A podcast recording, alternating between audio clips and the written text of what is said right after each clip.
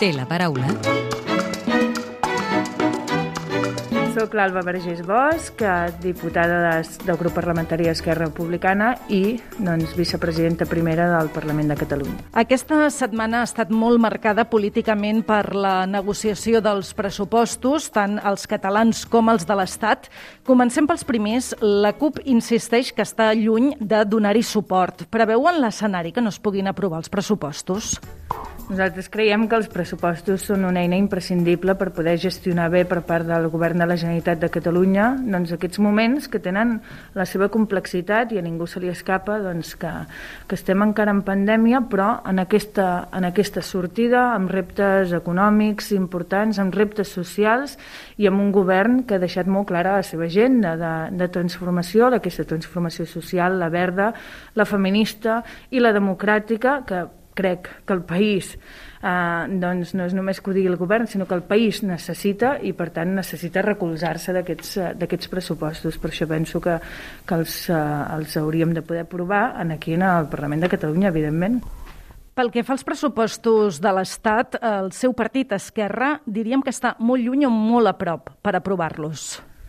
Doncs eh, crec que s'han marcat molt la, la posició des d'Esquerra de, Republicana, així com en els pressupostos de la Generalitat de Catalunya és el govern de la Generalitat i en, en aquest cas també grups que donen suport al govern qui han de fer aquest, aquest esforç extra per poder aprovar els comptes que en són de la seva responsabilitat també ho ha de fer doncs en aquest cas el govern espanyol si vol aprovar els comptes per tant que facin uh, la feina uh, que els pertoca si volen el suport als pressupostos Hi haurà front unitari amb Junts per Catalunya per negociar els pressupostos de l'Estat? De fet, eh, el, que, el que cal negociar, sobretot amb, amb l'Estat, és uh, aquest conflicte polític que està obert entre Catalunya i l'estat espanyol. Uh, aquest és el paraigües principal uh, de, de negociació i per tant aquí és on, uh, on creiem que ens hi hauríem de venir uh, prioritàriament tots. I què n'esperen d'aquesta taula de diàleg o de negociació, com li diuen vostès, tenint en compte que el govern de Pedro Sánchez ja ha tancat la porta tant a l'autodeterminació com a l'amnistia, que són les dues principals demandes de l'independentisme? El que segur que no esperàvem és que en el primer dia eh, s'obrissin les portes de bat a bat a, a la proposta catalana i això és una evidència a qualsevol negociació. Si el primer dia estàs d'acord en donar un sí explícit a dues propostes que són molt clares, que és l'autodeterminació, l'exercici de l'autodeterminació, que nosaltres creiem a través d'un referèndum, del vot directe de la ciutadania, i l'amnistia doncs ja no estaríem en una, en una taula negociant, ja no estaríem parlant que, est que estem en un conflicte polític. És evident que estem en un conflicte polític. Nosaltres n'esperem que si el govern espanyol diu a tot arreu que és aquest govern eh, progressista, que dialoga, que parla i que no s'assembla en els, en els anteriors governs del PP, doncs que ho demostri precisament en, en una negociació.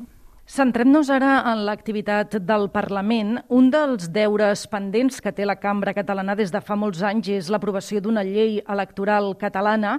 A iniciativa d'Esquerra es vol constituir aquesta legislatura, una ponència per fer-ho possible. Un dels principals esculls sempre ha estat el sistema electoral.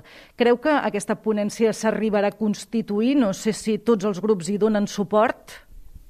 Aquesta és la proposta, no? que les lleis s'han de fer a través d'una ponència conjunta i a través de, del treball parlamentari eh, més important que hi ha, que és aquest treball eh, pausat però intens d'elaboració d'una llei, perquè al final la llei electoral és el marc no? en el que després ens veurem representats en el propi eh, Parlament de Catalunya. Per tant, s'ha de constituir aquesta ponència, jo entenc que sí, la necessitat la tenim des de fa molt temps, aquesta necessitat és, és àmpliament compartida i hem d'entrar doncs, doncs en el debat tranquil però també de fons de com volem que aquesta democràcia representativa que tenim doncs, en el nostre país doncs, es pugui organitzar bé. Hi haurà reforma del reglament del Parlament aquesta legislatura? És possible, el reglament del Parlament sempre s'ha anat uh, reformant i de fet ens hem d'adequar a moltes coses i poso dos exemples uh, que són importants i que requereixen una reforma del reglament. Uh, un és el, el pla d'igualtat. El pla d'igualtat doncs, necessita que el reglament eh, doncs contempli aquelles coses que el Pla d'Igualtat aprovat pel Parlament, eh, que això vol dir que el volem impulsar doncs, eh, perquè aquest Pla d'Igualtat es pugui desplegar. I, i l'altre és, és, evidentment, tots els canvis eh, també que hi ha hagut doncs, eh, doncs, eh, arran de la, de la pròpia organització no? de, del Parlament de Catalunya. Uh, això vol dir que estem al 2021, tenim un reglament que a vegades no? respon a, unes, a unes maneres de fer uh, doncs que s'han d'adequar i, i per tant sí, això seria important posar-ho en marxa, evidentment. Hi ha un altre eh, article del reglament, podríem dir mm, polèmic, que hi ha voluntat per part d'alguns grups de retocar-lo, que seria el que estableix que un diputat ha de deixar la seva acta en el cas que se li obri un judici oral per delictes vinculats amb la corrupció.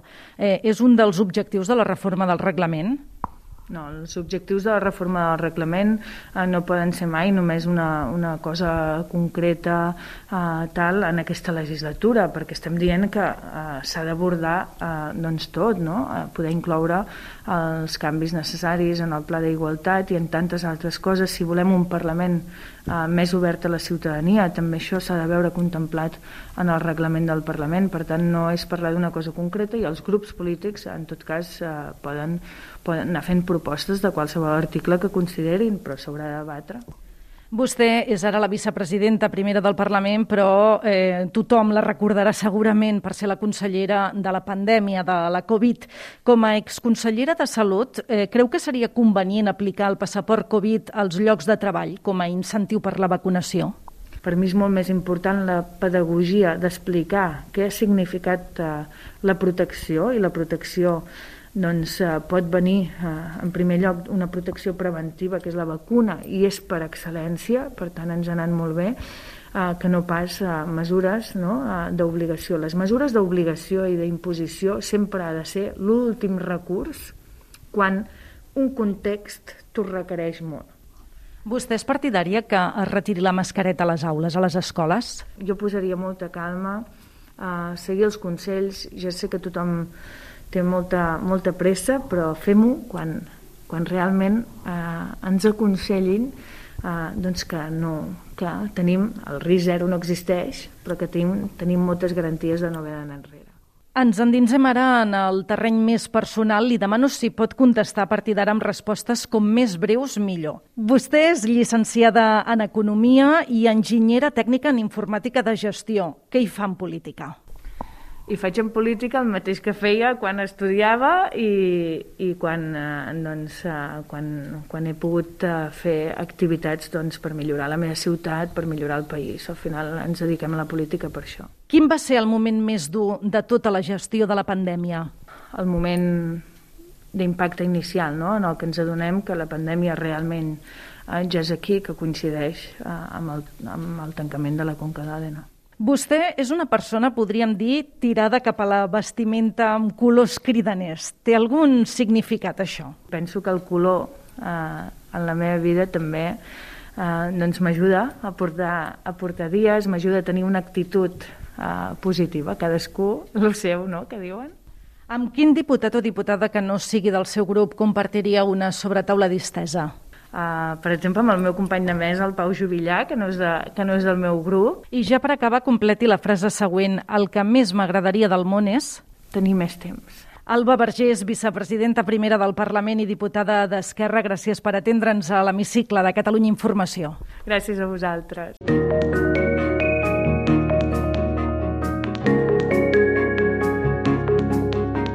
Tornar a escoltar l'Hemicicle al web catradio.cat barra hemicicle o al podcast del programa i seguir l'actualitat del Parlament al perfil de Twitter arroba L-hemicicle.